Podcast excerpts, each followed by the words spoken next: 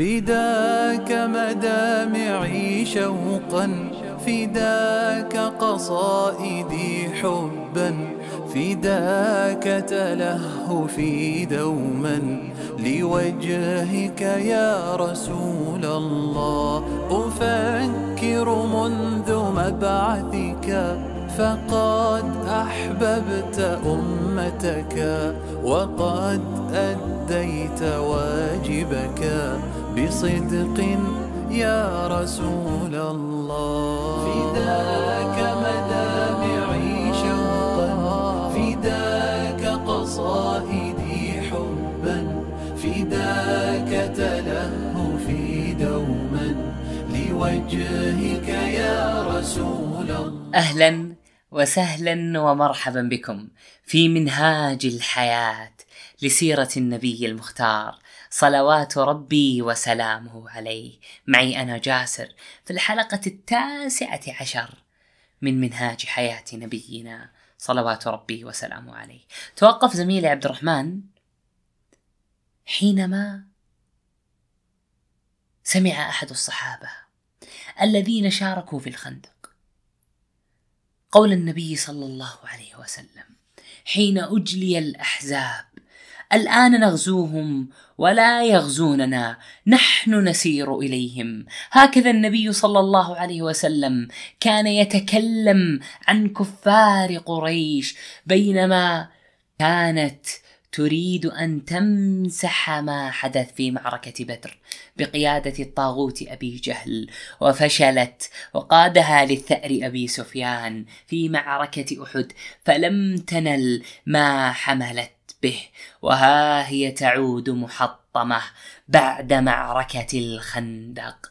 ومن ساندها من الأحزاب عادوا إلى مكة وقد تفتتت هيبتهم وانكسرت شوكتهم ويعود صلى الله عليه وسلم وأصحابه إلى بيوتهم بعد أن انتصروا. رجعوا ليغتسلوا من عناء أيام قارسة وقاسية. ولما رجع النبي صلى الله عليه وسلم من الخندق ووضع السلاح واغتسل. أتاه جبريل وهو ينفض رأسه من الغبار. فقال قد وضعت السلاح قد وضعت السلاح. والله ما وضعناه فاخرج إليهم لكن إلى أين إلى أين يحمل النبي صلى الله عليه وسلم سلاحه؟ سأل النبي صلى الله عليه وسلم جبريل إلى أين؟ فقال ها هنا وأشار إلى بني قريظة فخرج النبي صلى الله عليه وسلم إلى بني قريظة. ها هو ينطلق ها هو ينطلق صلوات ربي وسلامه عليه. وقبل ذلك يرسل مجموعة من أصحابه نحوهم وكان من أحد هؤلاء الشباب الذين سيشاركون مرة أخرى في الجهاد معه وهو عبد الله بن عمر بن الخطاب يقول رضي الله عنه قال لي النبي لما رجعنا من الأحزاب لا يصلين أحد العصر إلا في بني قريظة فأدرك بعضهم العصر في الطريق وقال بعضهم لا نصلي إلا حيث أمرنا رسول الله صلى الله عليه وسلم وإن فاتنا الوقت لا نصلي حتى نأتيهم. وقال بعضهم بل نصلي لم يرد منا ذلك. فذكر ذلك للنبي صلى الله عليه وسلم. ولم يعنف أحدا منهم. سماحة واضحة من رسول الله صلوات ربي وسلامه عليه، ثم لحق بهم صلى الله عليه وسلم حتى وصل إلى حصنهم. ولم يكن ذلك الحصار مهما إلى هذه الدرجة عنده وعند أصحابه لم يكن صلى الله عليه وسلم على عجز من أمره. فقد ذهب إلى بيته واغتسل. ولكن الله سبحانه وتعالى أخرجه من بيته إليهم. فالأمر جد خطير. كان هنالك عداوة. كان هنالك عداوة قريضة بينهم وبين النبي صلى الله عليه وسلم عهد. مكتوب ووثيقة موقع عليها وجوار يجب حفظه لكن عداوة قريضة. نسفت ذلك كله وخانت للمرة الثانية وتآمرت وطعنت من الخلف. النبي صلى الله عليه وسلم يحاصرهم بالسيوف والشعر. طوق جيش النبي صلى الله عليه وسلم حصن بني قريظة وقال لحسان بن ثابت اهجهم أو اهجهم وجبريل معك اهج المشركين فإن جبريل معك هجاهم حسان ورماهم بأبيات كالرماح. لا بد أنهم أنه وصفهم بالخيانة والتآمر والغدر وهم الآن يبحثون عن مخرج من هذا الخراب. قريضة تبحث عن مخرج عرض عليهم صلى الله عليه وسلم أمران. أما الأول أن يسلموا وأبوا ذلك. وأما الثاني هو النزول تحت حكمه صلوات ربي وسلامه عليه وأن يرضوا بعقوبة الخيانة التي سينزلها بهم ولم يحددها صلوات ربي وسلامه عليه. وهي عقوبة يتوقع اليهود أن تكون شديدة تناسب حجم نذالتهم وغدرهم. فليست هذه الأولى في سجل لخياناتهم. فقد حاربت قريضة وبنو النضير فأجل النبي صلى الله عليه وسلم بني النضير وأقر قريضة ومن عليها. أعطاهم الأمان وعفى عنهم وسامحهم ولكنه أخذ عليهم عهدا مكتوبا ووثيقة بعدم الخيانة والتآمر والغدر.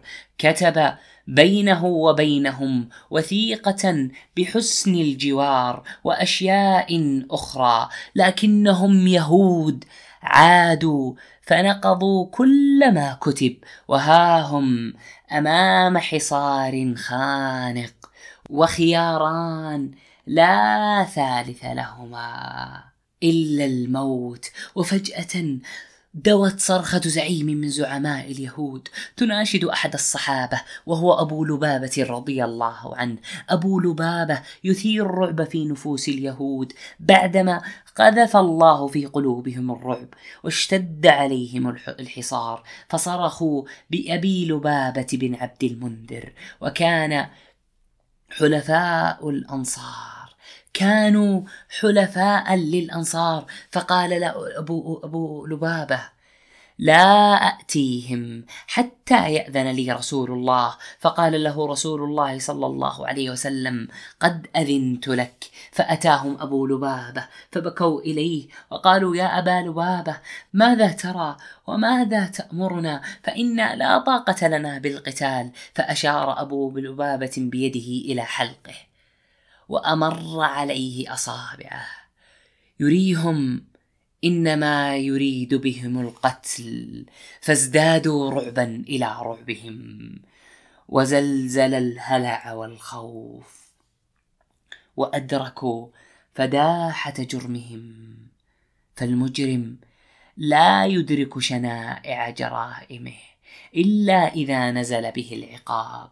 مصير شنيع يفتح أذرعه القاسية على اليهود يستشير اليهود بعضهم بعضا وقريضة يطلبون خيارا ثالثا. اقترح اليهود الخائفون حلا أخيرا لورطتهم التي رسموها بأنفسهم واقترحوا على النبي صلى الله عليه وسلم حلا ثالثا. فهم لا يطيقون الحرب ولا النزول على حكم النبي صلى الله عليه وسلم. بعدما مرر أبو لبابة أصابعه على حلقه. لقد طلبوا منه أن يجعل حكمهم بيد حليفهم السابق الصحابي الجريح سيد الأنصار سعد بن معاذ. مهما كان هذا الحكم فقبله النبي صلى الله عليه وسلم. قبل هذا الاقتراح وأرسل في طلب سعد, طلب سعد بن معاذ وإحضاره من خيمته إلى داخل المسجد فلما أخبره الخبر فأدرك سعد أن الله قد استجاب دعاءه عندما دعاه والدماء تقطر من أقدامه. تشخب من عروقه والموت يزحف إليه. قال سعد حينها اللهم لا تخرج نفسي حتى تقر عيني من بني قريظة فاستمسك عرقه فما قطر قطره. استمسك عرقه فما قطر قطره وبقي سعد صابرا في خيمته محتسبا ألم جرحه عند الله. فلما حمل سعد بن معاذ إلى النبي صلى الله عليه وسلم وقبل أن يصل سعد كان هناك اضطراب وضجيج وحركة داخل الحصون داخل حصن اليهود وفجأة فتح الباب. خرج منه رجال ونساء يتجهون إلى النبي صلى الله عليه وسلم. من الذين خرجوا من حصن بني قريظة؟ إنهم رجال ونساء يريدون الإسلام يريدون النجاة في الدنيا والآخرة. هؤلاء بعضهم لحق بالنبي صلى الله عليه وسلم فآمنهم وأمنهم وأسلموا.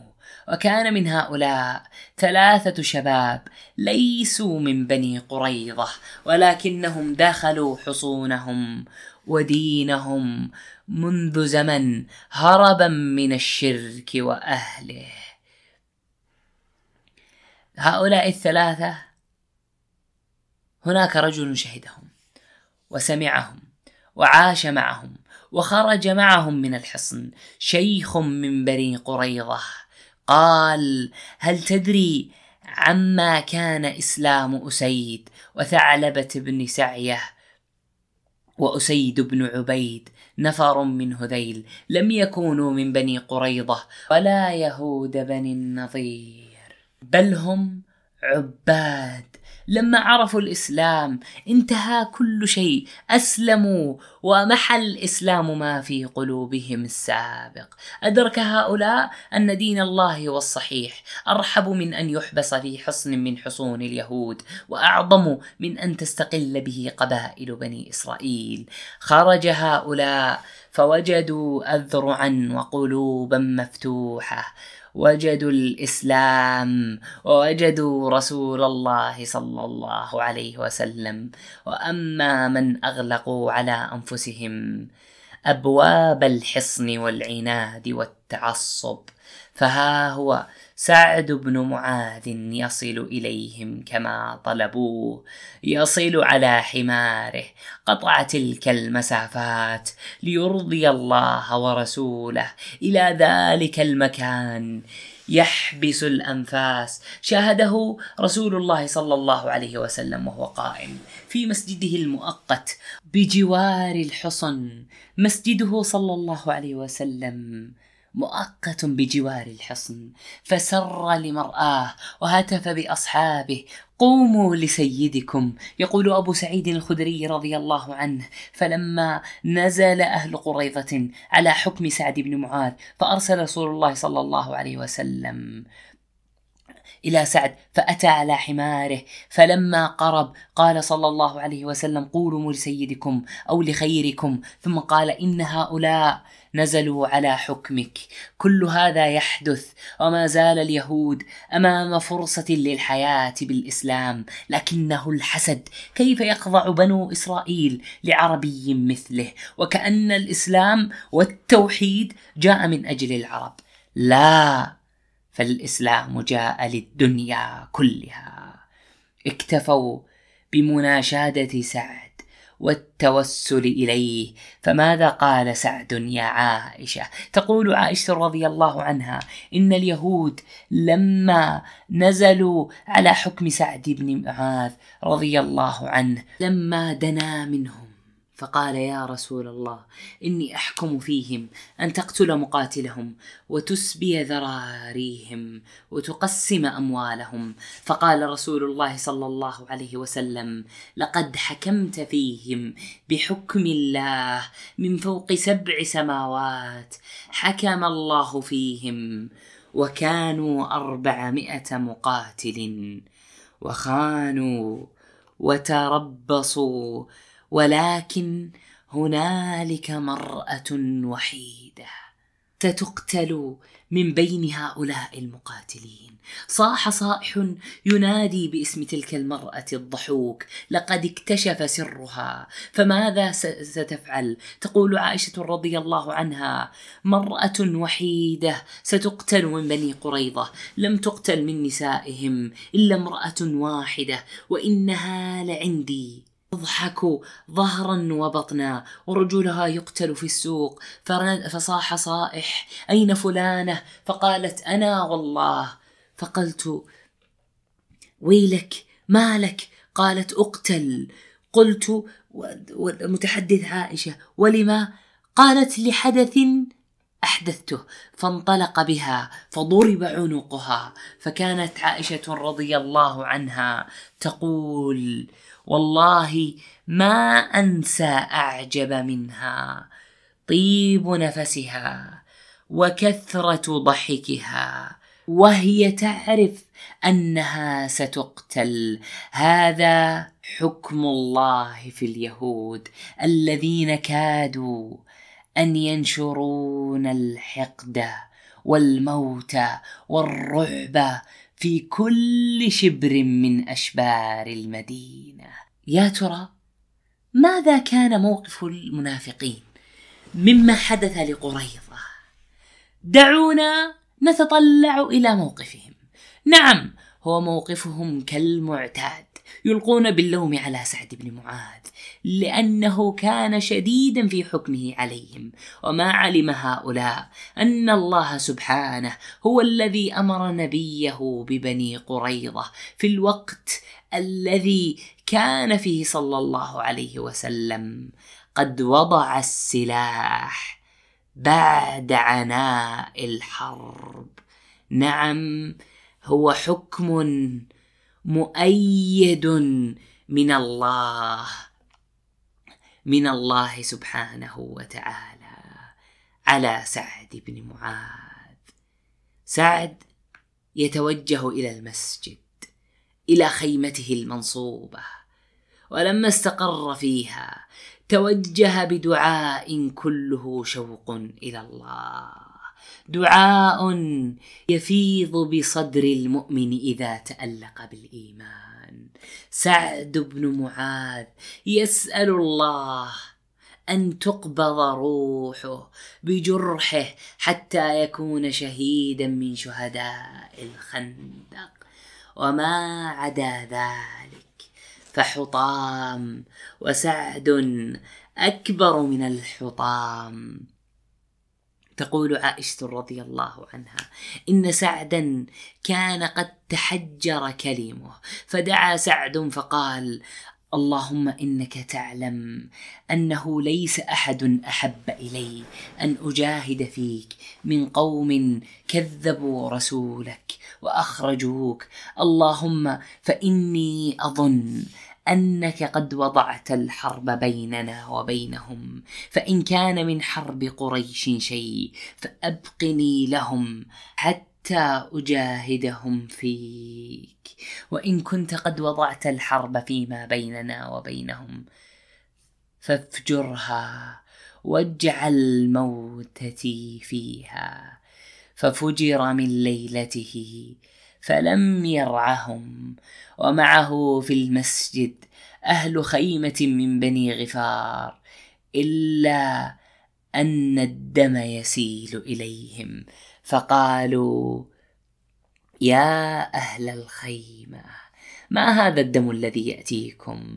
فإذا بسعد جرحه يغدو دما ولما ثقل حولوه إلى امرأة يقال لها رفيدة وكانت تداوي الجراح. فكان النبي صلى الله عليه وسلم كلما مر به يقول له كيف أمسيت؟ وإذا أصبح يقول له كيف أصبحت؟ فيخبره فلما نقله قومه وقد ثقل. فخرج رسول الله صلى الله عليه وسلم وخرجنا معه.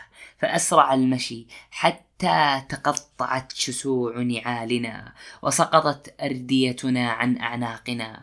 فشكى ذلك إليه أصحابه. كان الرسول صلى الله عليه وسلم يمشي مسرعا. فشكاه أحد الصحابة قال أتعبتنا في المشي؟ فقال صلى الله عليه وسلم إني أخاف أن تسبقنا الملائكة فتغسله كما غسلت حنظلة.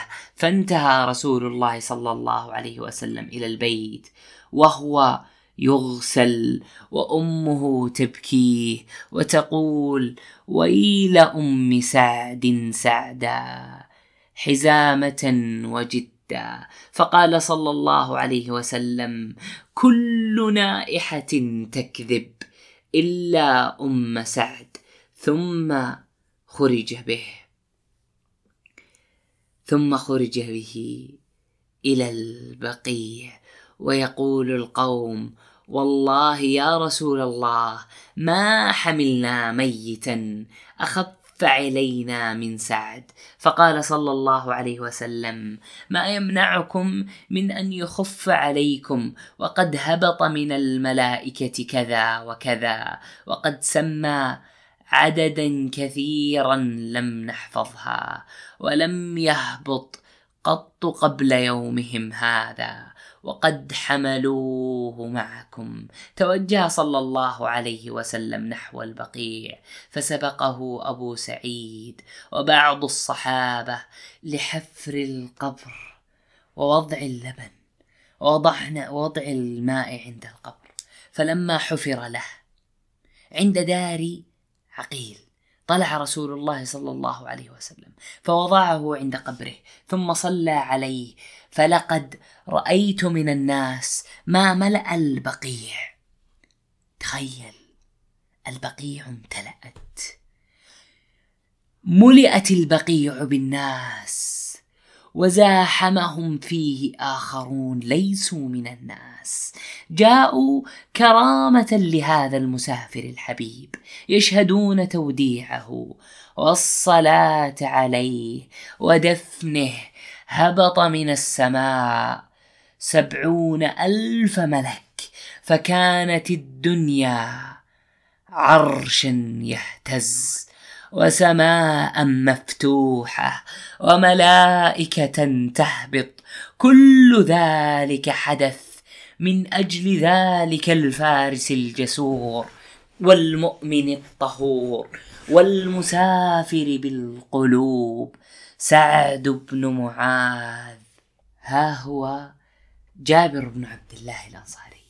يرى ويشهد ويروي ما يقوله النبي صلى الله عليه وسلم في جنازة سعد بن معاذ وهو بين أيديهم. يقول صلى الله عليه وسلم اهتز لها عرش الرحمن اهتز عرش الرحمن لموت سعد بن معاذ وأما بعد موته وأما بعد موته فقد وقف صلى الله عليه وسلم.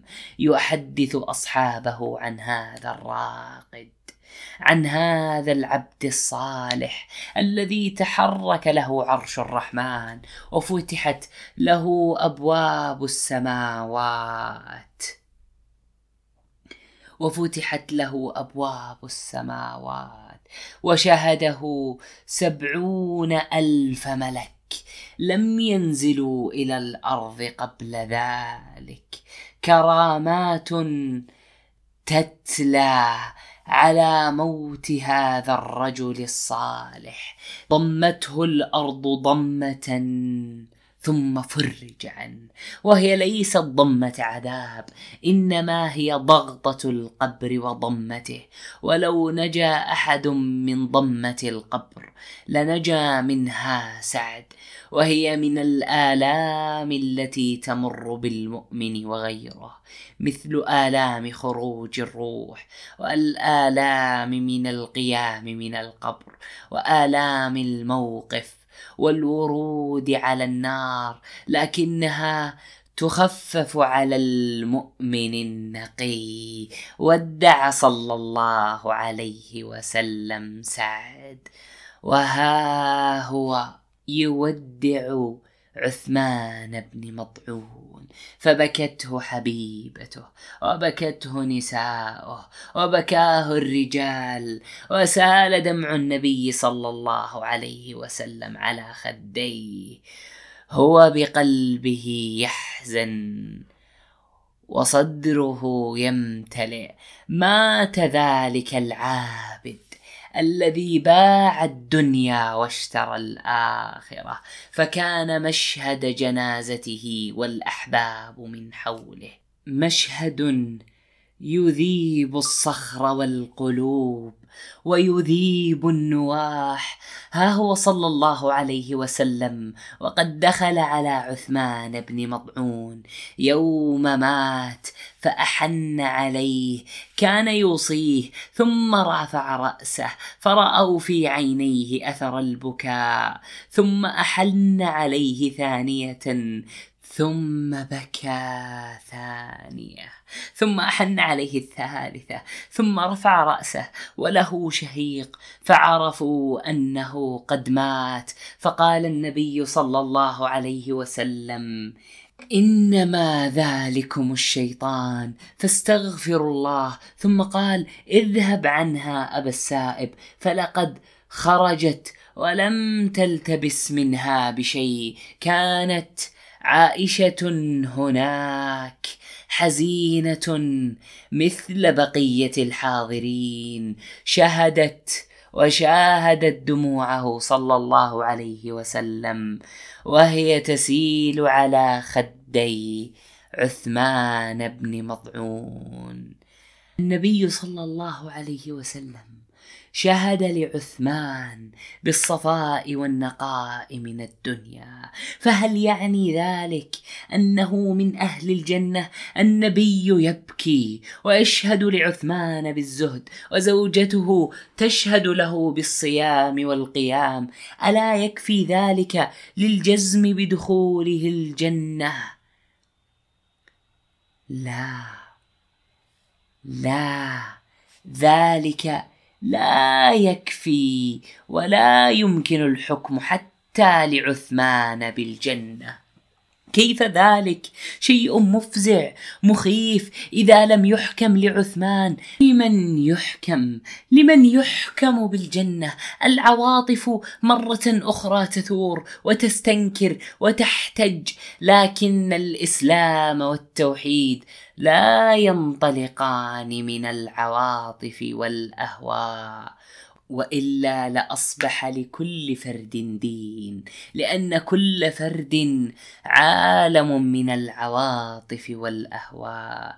النبي صلى الله عليه وسلم غضب عندما حكم له بالجنة لأن في ذلك تجاوز لمسؤوليات الإنسان وحدوده. غضب صلى الله عليه وسلم. ودعونا ننطلق إلى قصة أخرى. قصة صحابي عظيم شجاع قوي البأس. لكنه يهرب من مكة بعد أن ذاق مرارة الهزيمة في الخندق. عمرو بن العاص تأمل المكان الذي وصل إليه فنظر إلى حيث وصل. أدرك أن هذا النبي وهذا الدين العظيم أعظم من أي دهاء وأقوى من أي كيد. توجه عمرو بن العاص وهو الرأس في قومه إلى حيث يلتجئ الضعفاء والمساكين. توجه محمولا بالعناد والحيرة إلى الحبشة حيث يلتجئ جعفر بن أبي طالب رضي الله عنه وأصحابه بعيدا عن أياد قريش. ركب عمرو بن العاص سفينة قذفته في أرض الحبشة وأقام هناك إقامة متواضعة مقارنة بالمؤمنين الذين يحظون بحب وحماية النجاشي ملك الحبشة. وبينما عمرو بن العاص في أرض الحبشة إذ أم حبيبة وهي ابنة زعيم قريش ومكة. بنت أبي سفيان واسمها رملة تبكي في الحبشة حزنت على أرض الحبشة بعيدة عن مكة والمدينة. لم يكن البعد وحده الذي يعصف بقلب أم حبيبة. فزوجها الآن طريح الفراش مريض وقد اشتد المرض وعندما أحس بأنامل الموت تدنو منه وتدأب في أوصاله همس بمن حوله برسالة إلى النبي صلى الله عليه وسلم بعث بها عبد الله بن جحش الذي هاجر إلى أرض الحبشة هاجر إلى النبي صلى الله عليه وسلم يوصيه بأحب الناس إلى قلبه يوصيه بالحبيبة أم حبيبة رملة بنت أبي سفيان. تقول عائشة هاجر عبد الله بن جحش. مع رملة بنت أبي سفيان إلى الحبشة. فلما قدم أرض الحبشة مرض. فلما حضرته الوفاة أوصى إلى رسول الله صلى الله عليه وسلم. فوصلت الوصية إليه صلى الله عليه وسلم. فبعث الرد مع أحد المؤمنين القادمين على هذا القارب الذي يتهادى فوق مياه البحر. نحو سواحل الحبشة. إنه يرسو الآن حاملا لأم حبيبة البشرى والعزاء. قد انقضت أيام الحداد والأحزان.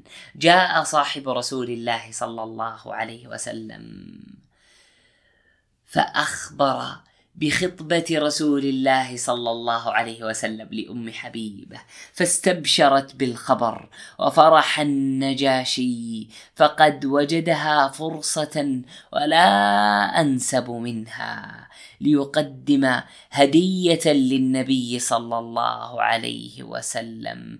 مهر أم حبيبة. مهرها كله هدية من النجاشي للنبي صلى الله عليه وسلم. ثم أرسلها مع صحابي كريم. اسمه شريحبيل بن حسنة. سار مع أم حبيبة. إلى النبي صلى الله عليه وسلم. ولئن كان زواج النبي صلى الله عليه وسلم من رملة بنت أبي سفيان رضي الله عنها قد أبهج والدها إلا أن النبي صلى الله عليه وسلم قد عزم على ما يكدر صفوه ويضيف إلى هزيمته عند الخندق. هزيمة أخرى. فالنبي صلى الله عليه وسلم يريد العمرة يريد أن يأخذ العمرة وهذا من حقه ومن حق أي أعرابي أن يزور البيت الحرام. لكن الأنظار مختلفة فالجميع يعرف أن هذه العمرة تشير إلى أنها هزيمة يلحقها محمد صلى الله عليه وسلم وأصحابه كسابقاتها. هزيمة أخرى وهم الذين قد طردوهم بالأمس من مكة. كيف يأتونها مرة أخرى؟ كيف يأتون مكة دون إذن قريش؟ أين مكانة قريش وأصنامها؟ سؤال ضاقت به مكة. وأما رسول الله صلى الله عليه وسلم فلم يبالي برأي قريش. لقد أراه الله في منامه رؤيا ورؤيا الأنبياء وحي. وقد قص النبي صلى الله عليه وسلم على أصحابه تلك الرؤيا. فيقول عمر رضي الله عنه كان النبي صلى الله عليه وسلم يحدثنا أنا سناتي البيت ونطوف به فتهللت وجوه الصحابة وافرحهم الخبر وأعدوا للسفر عدته. يا ترى ماذا أطلق عليها الاسم؟ نعم أطلق عليها اسم الحديبية على تلك العمرة. فماذا حدث؟ ومتى كانت عمرة الحديبية؟ ماذا جرى على أرض الحديبية البعيدة عن المدينة والتي تقترب من مكة بمسافة قليلة خرج النبي صلى الله عليه وسلم وأصحابه نحو مكة معتمرين يقول ابن عمر رضي الله عنه أن رسول الله صلى الله عليه وسلم خرج معتمرا وكانت الحديبية سنة ستة بعد قدوم النبي صلى الله عليه وسلم في ذي القعدة. يقول أنس رضي الله عنه عمرة الحديبية في ذي القعدة ولم تقتصر دعوته صلى الله عليه وسلم للخروج على أصحابه بل دعا الأعراب المتناثرين حول المدينة لصحبته ولمصاحبته على العمرة. فماذا كان موقف العرب من الخروج للعمرة؟ موقف كالعار كانت تشعر به العرب فبعضهم تصحر من رأسه حتى قدميه فهم يتلهفون للنهب والسلب والغنيمة الباردة وحساباتهم لا تعدو على ذلك. ومضى النبي صلى الله عليه وسلم وتوقف في مكان يدعى بذي الحليفة وهو مكان ضروري لأداء العمرة.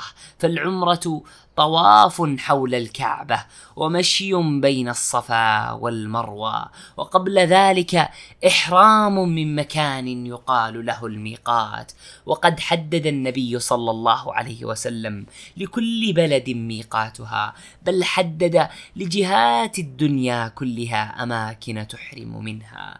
وميقات أهل المدينة ذو الحليفة يقول أحد الصحابة رضي الله عنه أن النبي صلى الله عليه وسلم حدد لكل أهل مدينة ميقاتا وقت لأهل المدينة ذا الحليفة ولأهل الشام الجحفة ولأهل نجد قرن المنازل ولأهل اليمن يلملم هن لأهلهن ولكل آت عليهن من غيرهن من غير أهلهن. فمن كان دون ذلك فمن حيث أنشأ حتى حتى أهل مكة من مكة؟ والإحرام هو أن ينوي المعتمر أو الحاج. بدء ممارسة العمرة أو الحج. وصل صلى الله عليه وسلم إلى الحديبية. فقلد من معه من الهدي. ووضع على رقابها شيئا لتعرف أنها هدي. وأشعر الهدي وعلمه بعلامة يعرف بها.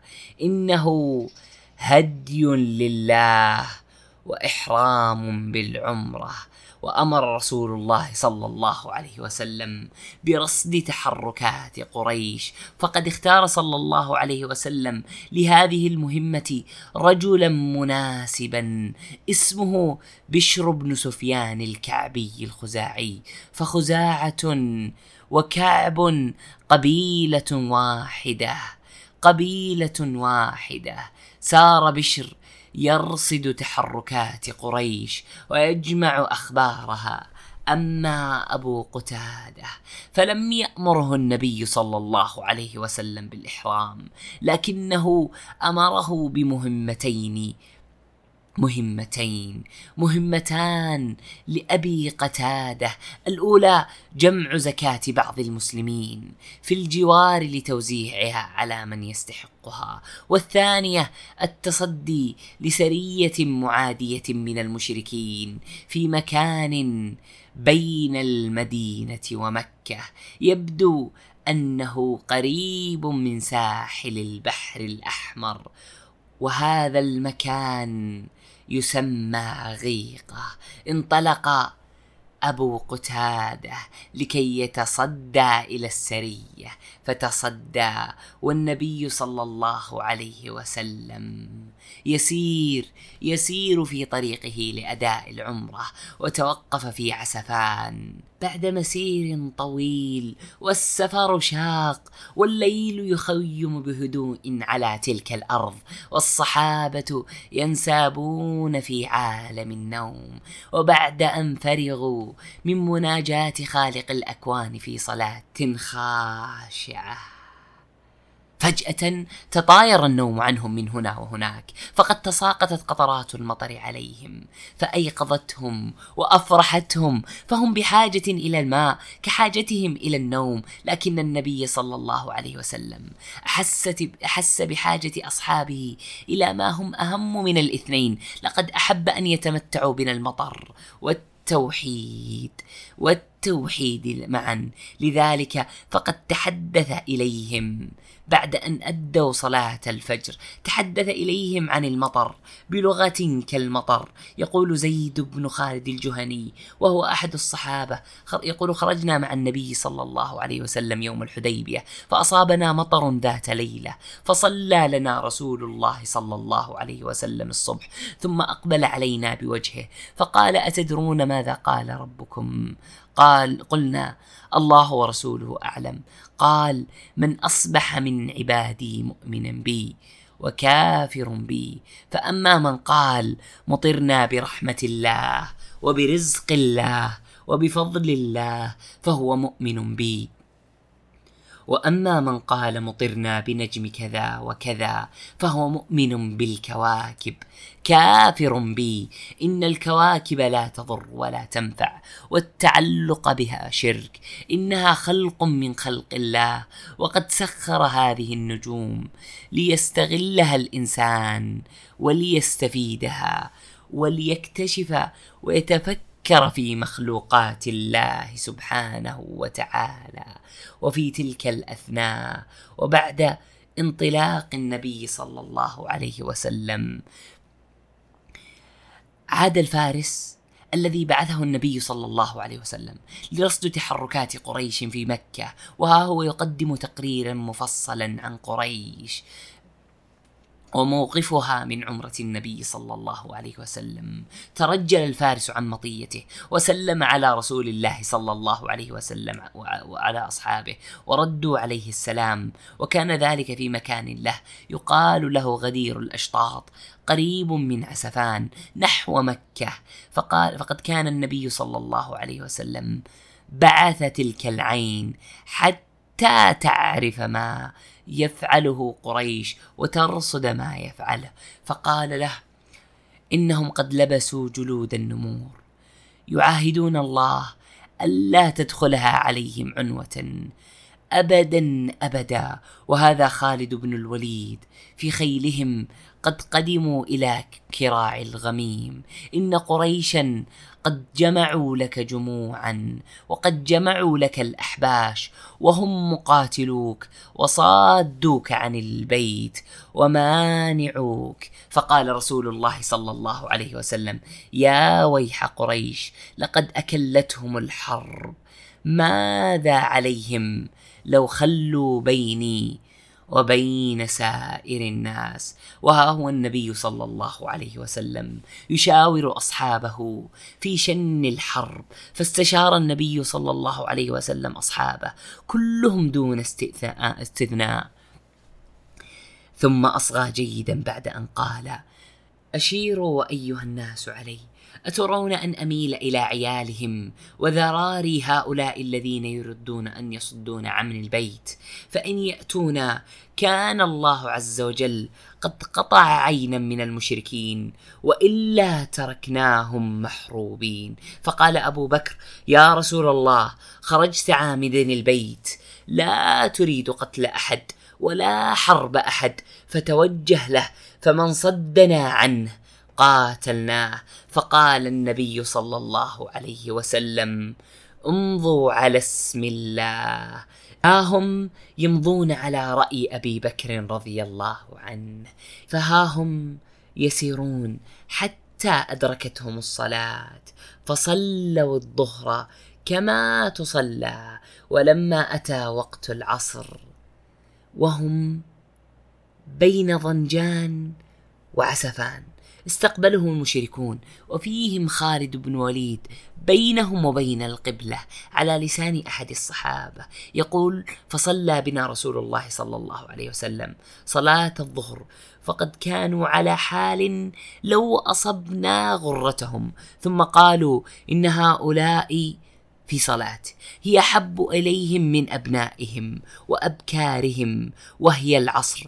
فاجمعوا أمركم فميلوا عليهم ميلة واحدة. فأمرهم صلى الله عليه وسلم أمر الصحابة أن يأخذوا أسلحتهم فصفهم صفين خلف بعض. ثم ركع فركعنا جميعا ثم سجد صلى الله عليه وسلم بالصف الذي يليه والآخرون قائمون يحرسونهم. فلما سجدوا قاموا وجلس الآخرون فسجدوا مكانهم ثم تقدم هؤلاء إلى مصاف هؤلاء ثم ركع صلى الله عليه وسلم فركعوا ثم رفع فرفعوا ثم سجد النبي صلى الله عليه وسلم والصف الذي يليه والآخرون قيام يحرسونهم. فلما جلس صلى الله عليه وسلم جلس الآخرون فسجدوا فسلم بهم ثم انصرفنا فصلاها صلى الله عليه وسلم مرتان مرة بعسفان ومرة بأرض بني سليم. عندها أدرك المشركون ألا سبيل إلى هؤلاء المؤمنين حتى في الصلاة فالصلاة إن كانت خشوعا واتجاها إلى الله بكل المشاعر إنها لا تعني التسمر. فالنبي صلى الله عليه وسلم يفعل أشياء كثيرة في صلاته فهو يحمل الحسن والحسين وينزل إذا أراد الركوع ثم يحمله ثانية إذا أراد القيام. وها هو النبي صلى الله عليه وسلم. يسير والقصواء تبرك في أرض الحديبية والصحابة يصيحون بها يحثونها على النهوض ويقولون حل حل لكنها لم تنهض لم تتزحزح عن مكانها. فقد سار النبي صلى الله عليه وسلم حتى إذا كان بالثنية التي يهبط عليها. بركت بها راحلته. فقال الناس حل حل. فأحلت. فقالوا خلأت القصواء. فقال النبي صلى الله عليه وسلم ما خلأت والخلأ بمعنى الحزن. بمعنى الحزن وما ذلك لها بخلق ولكن حبسها حابس الفيل. الذي حبس الفيل عن دخول مكة وهدمها قد حبسها. يقول النبي صلى الله عليه وسلم والذي نفسه بيده لا يسألوني عن خطة يعظمون فيها حرمات الله إلا أعطيتهم إياها. والله لا تدعني قريش اليوم إلى خطة يسألوني فيها إلى صلة الرحم إلا أعطيتهم إياها. ثم زجرها فوثبت القصوى بعد زجر النبي صلى الله عليه وسلم لها فعدل عنهم حتى نزل بأقصى الحديبية على ثمد قليل يتربضه الناس تربضا أي نزل مكانا يستسقي فيه الماء. وكان الناس ينزلون إلى ذلك الماء. ويتربضونه بأكفهم. كانوا يستسقون الماء. وها هو النبي صلى الله عليه وسلم يستدعي أحد الصحابة اسمه خراش بن أمية الخزاعي ليكلفه بمهمة خطيرة. وقد اختاره صلى الله عليه وسلم من قبيلة خزاعة وكانت خزاعة مع رسول الله صلى الله عليه وسلم. مسلمها ومشركها لا يخفون على رسول الله صلى الله عليه وسلم شيئا كان بمكة. مكة كانوا عيبة نصح لرسول الله صلى الله عليه وسلم من أهل تهامة فهم موضع ثقة في الطرفين ولم يكتف صلى الله عليه وسلم بأن يختار رسوله بدقة الدقة بل اختار له راحلة مميزة. ها هو النبي صلى الله عليه وسلم يعرض هدنة وقريش تريد قتله صلى الله عليه وسلم. بعث صلى الله عليه وسلم خراش بن أمية الخزاعي إلى مكة وحمله على جمل له. يقال له الثعلب. فلما دخل مكة عقرت به قريش وأرادوا قتل خراش فمنعهم الأحباش حتى حتى أتى رسول الله صلى الله عليه وسلم ولولا الله ثم تدخل الأحباش لهلك خراش لكن الأحباش وهم حلفاء لقريش فكروا في العار الذي يجلبه قتل رسول أما قريش فقد أعماهم الكفر أعماهم الكفر والحقد في ساعة غضب فكذبوا. وضربوا بكل شيء عرض الحائط. عاد خراش عظيما سليما معافى. وبعد عودته انطلق ثلاثة من, الكو من كواكب الفرسان من قوم خزاعة وعلى رأسهم بديل بن ورقاء الخزاعي وهو أحد الناصحين للنبي صلى الله عليه وسلم من أهل تهامة. فقال إني تركت كعب بن لؤي وعامر بن لؤي نزلوا أعداد مياه الحديبية ومعهم العوذ المطافل وهم مقاتلوك وصادوك عن البيت. فقال رسول الله صلى الله عليه وسلم إنا لم نجيء لقتال أحد ولكننا جئنا معتمرين. وإن قريشا قد نهكتهم الحرب وأضرت بهم فإن شاءوا مادتهم مدا ويخلوا بيني وبين الناس. فإن أظهروا فإن أظهر فإن شاءوا أن يدخلوا فيما دخل فيه الناس فعلوا وإلا فقد جموا وإنهم أبوا فوالذي نفسي بيده لأقتلنهم على أمري. هذا حتى تنفرد سالفتي. ولينفذن الله أمري. فقال بديل سابلغهم بذلك وما تقول. فانطلق حتى أتى قريشا ثم قال أنا قد جئناكم من هذا الرجل وسمعنا منه قولا فإن شئتم نعرضه عنكم عليكم وإن أبيتم فذلك لكم. فقال سفهاءهم لا حاجة لنا فيما تخبرون عنه شيء. وقال ذو الرأي منهم هاتوا ما ترغبون. فأخبرهم بديل عما كان يقول. يا معشر قريش إنكم تعجلون على محمد. إن محمدا لم يأتي لقتال إنما جاء زائرا لهذا البيت معظما لحقه. سمعته يقول كذا وكذا لكن النبي صلى الله عليه وسلم أراد أن يبعث رجلا مسالما. له مكانته ويستطيع بيان رسالته. فدعا رسول الله صلى الله عليه وسلم عمرا ليبعثه إلى مكة. فقال يا رسول الله إني أخاف قريشا على نفسي وليس بها وليس بها من بني عدي احدا يمنعني. وقد عرفت قريش عداوتي إياها وغلظتي عليها ولكن خذ رجلا هو أعز مني. عثمان بن عفان فدعاه صلى الله عليه وسلم. دعا عثمانا رضي الله عنه. فدعونا نستمع لما حدث لعثمان حينما غادر إلى قريش. ليخبرهم أن النبي صلى الله عليه وسلم لم يأتي للحرب. هل عاد عثمان أم قتل؟ نستمع إلى هذا مع زميلي عبد الرحمن في الحلقة القادمة من منهاج الحياة لسيرة النبي المختار. صلوات ربي وسلامه عليه.